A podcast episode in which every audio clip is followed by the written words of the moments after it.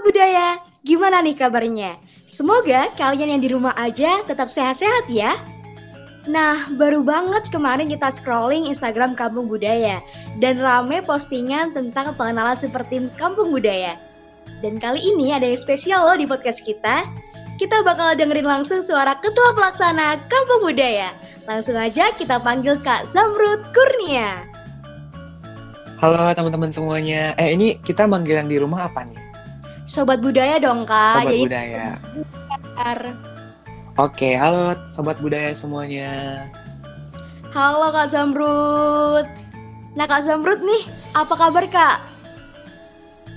Kabarnya alhamdulillah baik. Safira gimana nih kabarnya? juga nih kak Oke kak, jadi sebelum aku mau kepoin terlebih dahulu seputar KB Mending aku mau kenalan dulu deh sama Kak Zamrud Pasti Sobat Budaya juga pengen tahu Kak Zamrud ini siapa sih Tapi sebelumnya aku mau pantun dulu nih kak Boleh? Boleh. Yeay Pergi ke Garut bawa buah pepaya Cakep. Hai Kak Zamrud, makin ganteng aja ya Asik. Amin. Safira emang bisa ya kalau ngegombal ya? Bisa Oke. Nah, Kak Zamrud, boleh dong langsung aja kenalan. Eh, Kak Zamrud ini dari fakultas apa? Sekarang angkatan tahun berapa? Karena pasti sobat budaya tuh udah kepo. Sehebat apa couple dari KB 2020 ini? Langsung aja perkenalan Kak Zamrud. Waduh, kalau hebat kayaknya enggak ya, cuman diaminin aja gitu. Oke, aku kenalan ya. Halo teman-teman semuanya, sobat budaya yang ada di rumah. Kenalin nama aku Zamrud Kurnia Prasetyo. Aku dari Fakultas Teknik, jurusan Teknik Elektro angkatan 2018. Alhamdulillah aku diamanahkan tahun ini menjadi ke- Ketua Pelaksana Kampung Budaya 2020. Oke, sobat budaya udah pada kenal ya sama Kak Zamrud. Walaupun anak teknik yang katanya apa ya galak, eh, apa ya banyak tugas, tapi ternyata Kak Zamrud ini masih tetap bisa ngimbangin sama aktivitas yang positif yaitu ikut sama kepanitiaan. Kayak gitu ya Kak Zamrud ya. Iya, benar. Harus aktif ya. Iya benar. Jadi kita harus menyimbangkan sih intinya Oke, antara benar-benar. akademik dan eh, organisasi seperti itu. Oke Kak Zamrud pasti sobat budaya yang di rumah ini udah juga kepo nih tentang KB. Nah sebelum kita bahas lebih lanjut, aku mau mau tahu nih jawaban lengkapnya dari Kak Zamrud. Sebenarnya pengertian dari kampung budaya itu apa sih Kak? Oke, eh, sebenarnya kampung budaya ini apa sih? Gitu ya. Kampung budaya ini itu adalah wadah yang diberikan untuk forum daerah yang ada di Universitas Brawijaya gitu. Nah nanti melalui kampung budaya ini, forum daerah ini akan kita branding gitu ke mahasiswa baru, ke mahasiswa lama, dan juga masyarakat umum yang ada di eh, Malang Raya seperti itu. Nah selain itu, kampung budaya ini juga punya tujuan. Kita ingin mengedukasi masyarakat baik itu masyarakat Universitas- Brawijaya maupun masyarakat eh, luas. Kita ingin mengedukasi mereka betapa pentingnya budaya gitu. Bagaimana pentingnya melestarikan budaya di era globalisasi seperti sekarang ini begitu. Oke Kak Zamrud, tapi setuju sih sama apa namanya kalau KB ini perlu banget di era saat ini. Soalnya kayak kita pun yang remaja banyak banget yang ketertarikan dengan budaya lokal itu semakin menurun. Dan karena semakin menurun, apa ya? Jadi semakin kayak mau belajar budaya itu ada yang nggak mau gitu loh. Jadi kayak KB itu perlu banget sih kak. Aku setuju banget kalau misalnya ada KB terus-terusan sampai kapan pun lah UB ada. Benar nah itulah alasannya kenapa kampung budaya ini ada gitu karena kita ingin mengemas kampung budaya ini eh, bagaimana bisa diterima oleh millennial- mil- millennials gitu jadi eh, diterimanya enak informasinya juga tersampaikan gitu Oke, jadi tadi eh, jawaban dari Kak Zamrud udah menyinggung sedikit ya sama tujuannya kampung budaya itu sendiri. Nah, aku mau kepo juga nih harusnya. Tujuan kampung budaya 2020 itu sebenarnya ada keterkaitan sama kampung budaya sebelum-sebelumnya atau punya tujuan baru nih? Itu Kak Zamrud. Oke, nah kalau mengenai tujuan, aku rasa dari KB ini terbentuk tuh tujuannya masih sama ya, punya tujuan yang utama gitu. Uh, tujuan sebenarnya dari Kampung Budaya ini adalah kita ingin teman-teman Forda, teman-teman forum daerah ini itu terbranding melalui Kampung Budaya. Uh, yang aku bilang tadi, sasaran branding kita adalah mahasiswa, masyarakat Universitas Brawijaya itu sendiri maupun masyarakat luas gitu, masyarakat uh, khususnya di Malang Raya seperti itu. Nah, tujuan lain dari kampung budaya tadi sempat aku bilang juga bahwasanya kita ingin mengedukasi uh, masyarakat luas betapa pentingnya kita untuk melestarikan budaya ini gitu. Nah, terus kita juga ingin membentuk kampung budaya ini itu sebagai cerminan pelestarian budaya seperti itu. Terus uh, juga kita tahun ini pengennya ya kampung budaya ini gak cuma menjadi acara tahunan di, uni, di Universitas Brawijaya, tapi kita juga ingin Kampung Budaya ini menjadi acara tahunan uh, di Kota Malang Raya seperti itu.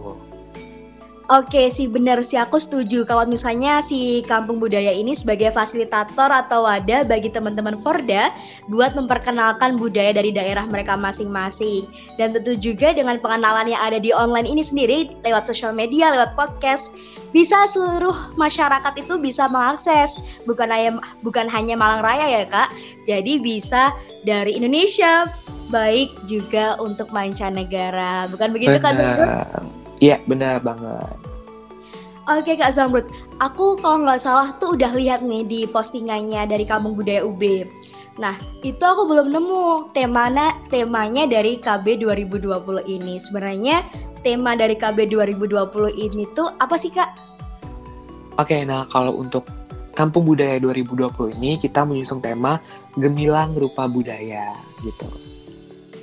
Oke, dari kata-katanya nih udah bagus nih, gemilang rupa budaya. Maksudnya gemilang rupa budaya itu kayak gimana nih Kak kalau diaplikasikan di apa namanya di kampung budaya itu sendiri? Nah, jadi maksud dari gemilang rupa budaya ini mungkin kita artikan uh, perkata dulu ya. Dari gemilang, kalau gemilang ini itu kan artinya bercahaya, terang seperti itu. Nah, kalau rupa ini artinya itu uh, bentuk gitu kan. Kalau budaya itu artinya luas ya bisa uh, adat istiadat, bisa akal budi atau pikiran seperti itu. Nah, kalau gemilang rupa budaya jadi bisa diartikan sebagai rupa dari budaya atau bentuk-bentuk dari budaya yang ada di Indonesia ini akan bergemilang, akan uh, bercahaya terang di Kampung Budaya 2020 seperti itu. Nah, terus juga nih yang kita pengen angkat ya sesuai dari tema ini tadi, kan kita berbicara mengenai rupa. Kalau kita lihat nih di Indonesia ini sendiri itu banyak banget kan budayanya dari Sabang sampai Merauke itu uh, mungkin bisa berjuta-juta uh, banyak rupa budaya seperti itu kan. Nah, kita ingin mengangkat perbedaan dari setiap daerah ini budayanya seperti apa gitu. Nah nanti uh, di ujungnya kita bakal ngeliat nih dan sebenarnya nggak ada yang perlu kita khawatirkan dari sebuah perbedaan ini gitu. Contohnya ya misalnya nih teman-teman yang dari daerah Sumatera bisa kok nari nari tarian Jawa seperti itu kan. Nah itulah salah, salah satu contoh uh, kita nggak perlu mengkhawatirkan uh, perbedaan gitu gitu sih intinya Oke, aku juga setuju sih kak kayak gitu kalau gemilang rupa budaya itu bisa apa ya memberikan rupa budaya itu yang sebagai apa ya yang kemilau budaya itu bisa bersinar bagaimanapun bentuknya bagaimanapun perbedaan itu tuh ada jadi bisa keangkat juga semuanya pun tanpa terkecuali gitu ya kak? Iya benar. Jadi dari perbedaan ini akan muncul sebuah persatuan. Nah persatuan inilah yang akan bergemilang, yang bercahaya terang seperti itu. Oke, itu tadi sobat budaya seputar tema budaya dari kampung budaya itu sendiri. Nah, kalau misalnya aku nyinggung lagi nih soal logo kampung budaya sendiri. Kira-kira Kak Zamrud mau mau ngejelasin lagi nggak ke kita? Soalnya kan kalau misalnya kita baca aja tuh kurang asik gitu loh. Jadi lebih asik tuh kalau kita juga sambil dengerin. Singkat aja sih kak. Oke, nah kalau kita ngomongin masalah logo, kita kemarin juga baru rilis ya logonya. Mungkin teman-teman bisa dicek dulu nih di Instagram, di Twitter, pokoknya di seluruh sosial media kita itu kita udah ngerilis logo gitu. Nah, cuman mungkin buat yang mager baca nih mungkin kita jelasin dikit ya Kak Safira. Jadi di logo ini itu ada beberapa komponen. Yang pertama ada burung elang Jawa. Nah, kalau burung elang Jawa dari namanya aja udah elang Jawa gitu kan. Jadi emang ini ciri khas banget nih dari Indonesia, dari uh, Jawa gitu. Nah ini tuh melambangkan uh, ketangguhan gitu. Kalau daun sirih, ada daun sirih juga kan itu di logonya. Nah kalau daun sirih ini itu yang kita kenal sebagai tumbuhan yang memiliki cita rasa kuat gitu kan. Terus juga uh, kayak akan manfaat gitu. Nah jadi kalau di logo ini kita melambangkan daun daun sirih ini itu uh, sebagai kebudayaan yang akan selalu memiliki nilai manfaat. Terus ada tiga corak batik Nusantara. Nah, kalau tiga corak batik ini itu ada uh, ini, ada corak batik dari batik Priangan dari Jawa, terus ada corak batik yang kedua ada batik Komoro itu dari Papua, sama yang ketiga itu ada batik Sasambo dari Riau gitu. Oke kak, bener banget. Aku juga lihat nih kak, kalau misalnya dari ketiga komponen yang udah disatukan dalam satu logo itu ada beberapa bentuk. Kayak misalnya ada daun sirih, ada elang Jawa, ada apa lagi tuh Kak tadi? Nah, itu kayak ada corak batik. Ada corak batik. Itu benar-benar menggambarkan apa ya kebudayaan yang ada di Indonesia kayak keragamannya itu ada dan disatukan menjadi satu sebuah menjadi sebuah logo yang apik gitu ya Kak. Ya benar. Jadi uh, di logo ini itu kita memadukan tiga aspek. Yang pertama fauna, flora, dan kebudayaan gitu. Oke Kak Zamrud, tadi Sobat Budaya udah dengerin ya apa namanya filosofi dan bentuk penggambarannya tuh seperti apa dijadikan menjadi satu logo. Nah, Kak Zamrud bisa jelasin nggak teman-teman dari super tim Kampung Budaya 2020 ini ada divisi apa aja dan peranannya tuh apa aja? Oke, nah jadi uh, di super tim Kampung Budaya 2020 ini itu kita punya namanya teman-teman teras sama teman-teman divisi gitu. Nah, kalau teman-teman teras ini itu terdiri dari ketua pelaksana, wakil ketua pelaksana, terus ada juga bendahara pelaksana sama sekretaris pelaksana gitu. Terus ada 9 divisi. Yang pertama ada divisi acara. Divisi acara ini itu yang membuat konsep untuk uh, berlangsungnya uh, acara kita gitu ya. Nah, terus ada divisi PIT. Kalau divisi PIT ini itu bertanggung jawab uh, mengenai publikasi dan juga IT-nya kampung budaya gitu, seperti website dan sebagai, sebagai macamnya gitu. Terus ada divisi DDM. Kalau divisi DDM ini itu adalah divisi di balik layar megahnya konten kampung budaya itu. Bisa kalau dia tuh di Instagram, konten-kontennya itu nih teman-teman DDM yang buat. Nah, kalau di DDM ini itu ada uh, tiga subdivisi. Yang pertama dekorasi, terus ada desain dan juga multimedia. Terus ada divisi korlap, uh, divisi koordinator lapangan. Koordinator lapangan ya ini mengatur uh, terkait mobilisasi peserta maupun panitia. Dan juga teman-teman korlap ini menyusun SOP dan juga protokol kesehatan nih. Kalau misalnya ada pandemi ini nih nah teman-teman korlap yang bakal menyusun uh, protokol kesehatan nanti seperti apa gitu. Terus ada divisi sponsorship.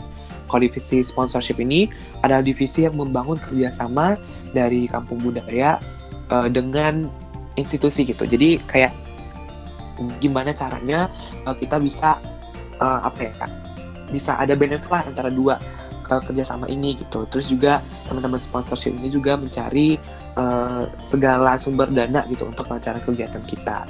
Terus ada divisi konsumsi. Nah, kalau divisi konsumsi sesuai namanya, divisi konsumsi ini akan menyiapkan, mengatur, dan mendistribusikan sebu, uh, seluruh kebutuhan konsumsi gitu, baik untuk panitia juga untuk peserta kampung budaya gitu. Terus ada divisi kestari. Divisi kestari ini yang akan berhubungan dengan surat menyurat gitu. Terus divisi humas. Kalau divisi humas ini uh, divisi yang menjalin relasi antara pihak kampung budaya dengan pihak luar seperti itu. Terus yang terakhir ada divisi logistik. Divisi logistik ini adalah divisi yang menyiapkan semua kebutuhan uh, perlengkapan yang dibutuhkan di acara Kampung Budaya 2020 gitu. Oke, andai kan ini podcast bisa 24 jam ya. Aku undang semua divisi ini biar sama-sama sobat budaya kenal ya suara-suaranya kayak gimana. Biar seru ya. Iya benar, biar nggak berdua aja nih Kak Samrut. Oke Kak Samrut, tadi aku udah kepo banget nih soal KB mulai dari pengertian, tujuan, tema, logo sampai divisi.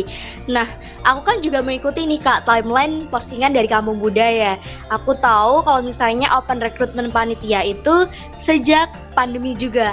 Nah sebenarnya ada kesulitan nggak sih mulai dari awal sampai akhir, mulai terbentuknya panitia sampai sekarang pun, sampai bikin podcast tuh ada kesulitan koordinasi nggak sih Kak? Oke, kalau ditanya ya tadi uh, sempat nyinggung juga dari awal panitia terbentuk itu benar banget nih kita jadi uh, kampung budaya ini terbentuk uh, sis, apa namanya susunan panitianya ya itu semenjak pandemi itu udah ada gitu. Jadi kalau ditanya kesulitan emang sulit sih karena semuanya semua bentuk kegiatan itu yang udah-udah ya itu yang kita lakukan secara online baik dari screeningnya gitu pengumumannya itu semuanya uh, secara online gitu koordinasi antara panitia inti pun itu masih secara online sekarang gitu. Jadi emang belum ada tatap mata langsung, koordinasi langsung antara panitia seperti itu. Jadi kalau ditanya kesulitannya pasti ada gitu. Yang pertama itu uh, kesulitannya yang pasti dalam uh, koordinasi gitu. Pasti bakal lebih susah karena semuanya itu dilakukan secara online seperti itu. Berarti juga ada apa ya kendala ya selama online ini. Nah, kalau mau ditanya atau mau disuruh pilih nih Kak Zamrud. Kak Zamrud pilih open recruitment itu secara online atau offline nih karena pandemi ini. Tapi semoga jangan sampai deh kalau misalnya akhir tahun juga masih pandemi kan mau lihat keseruan di kampung budaya. Iya bener. Nah jadi kalau ditanya nih enakan online atau offline? Enakan offline sih sebenarnya karena waktu screening kan gitu loh. Jadi kita ketemu langsung nih sama calon-calon teman-teman panitia kampung budaya gitu kan. Ngelihat langsung nih betapa cakepnya gitu kan, ganteng-ganteng, cantik-cantik nih milenial Wijaya yang pengen bergabung um, menjadi seperti kampung budaya gitu. Jadi kalau ditanya enakan offline sih. Cuman uh, mungkin ya kalau secara koordinasi itu ada enaknya offline, ada enaknya juga nih online. Kalau online kan koordinasinya dari rumah ya, maksudnya sama-sama dari rumah gitu. Jadi sambil rebahan pun bisa gitu kan. Cuman itu tadi mungkin ada informasi yang nggak tersampaikan secara penuh kalau misalnya online. Karena tidak uh, bertatap mata secara langsung gitu. Oke Kak Zamrud mungkin ini udah sampai di penghujung acara podcast perdana Kampung Budaya 2020 Tapi masih ada satu hal yang mau aku kepoin ke Kak Zamrud Yaitu yang pertama nih pesan Kak Zamrud buat sobat budaya yang ada di luar sana yang sedang mendengarkan podcast Kampung Budaya dan juga yang udah menikmati konten-konten seru di Instagram maupun Twitter Kampung Budaya 2020.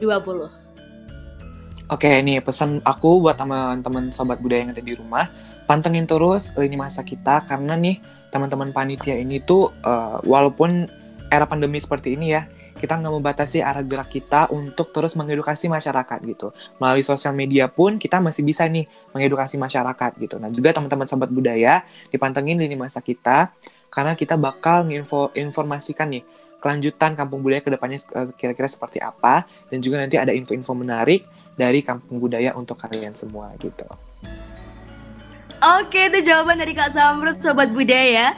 Pokoknya aku mendukung kalau KB itu berlangsung secara offline karena aku mau lihat banget keseruan parade budaya, mau lihat panggung Nusantara, kayak gitu Kazam. Jadi pengen banget ngerasain atmosfer dari teman-teman dari Forda-Forda seluruh Indonesia. Iya, pokoknya buat sobat budaya, teman-teman panitia juga uh, didoain aja ya semoga kondisinya kembali seperti semula dan kita bisa ngadain kampung budaya seperti tahun-tahun sebelumnya bahkan lebih mewah lagi ya, lebih megah lagi uh, tatan hmm. panggungnya gitu, baik dari penampilannya gitu. Jadi didoain aja buat teman-teman, semoga kampung budaya tahun ini itu lancar. Amin. Nah, kalau itu tadi pesan buat sobat budaya. Kalau pesannya buat panitia kampung budaya nih kak, ada nggak sih? Nah, uh, pesan nih buat teman-teman panitia kampung budaya, tetap dijaga semangatnya, tetap dijaga koordinasinya satu sama lain. Walaupun nih teman-teman uh, koordinasi satu sama lain antar kalian ini itu masih secara online itu tetap dijaga aja gitu. Terus bangun rasa kekeluargaannya karena lebih enak kalau kita kerja itu uh, berdasarkan apa ya kalau udah kenal gitu ya udah deket gitu jadi kerjanya bakal lebih enak gitu. Jadi uh, jangan apa ya jangan patah semangatnya walaupun kondisi kita seperti ini gitu boleh tuh kak, kalau misalnya kapan hari gitu ada bonding ya satu panitia gitu, satu panitia besar, biar lebih erat gitu ya, biar rame grupnya juga. Mungkin ini kondisi grup aman, sejahtera, ramai, sentosa? Akhir-akhir ini sepi nih kayaknya nih. Kayaknya perlu deh kita bonding dulu kalian nanti ya. Oh iya, boleh, buat boleh. panitia. Oke Kak Zamrud, mungkin itu semua tadi adalah pertanyaan yang udah aku kepoin dari lama-lama dan udah kejawab sama langsung dijawab oleh Ketua Pelaksana Kampung Budaya 2020. Mungkin ada closing statement dari Kak Zamrud, dipersilahkan.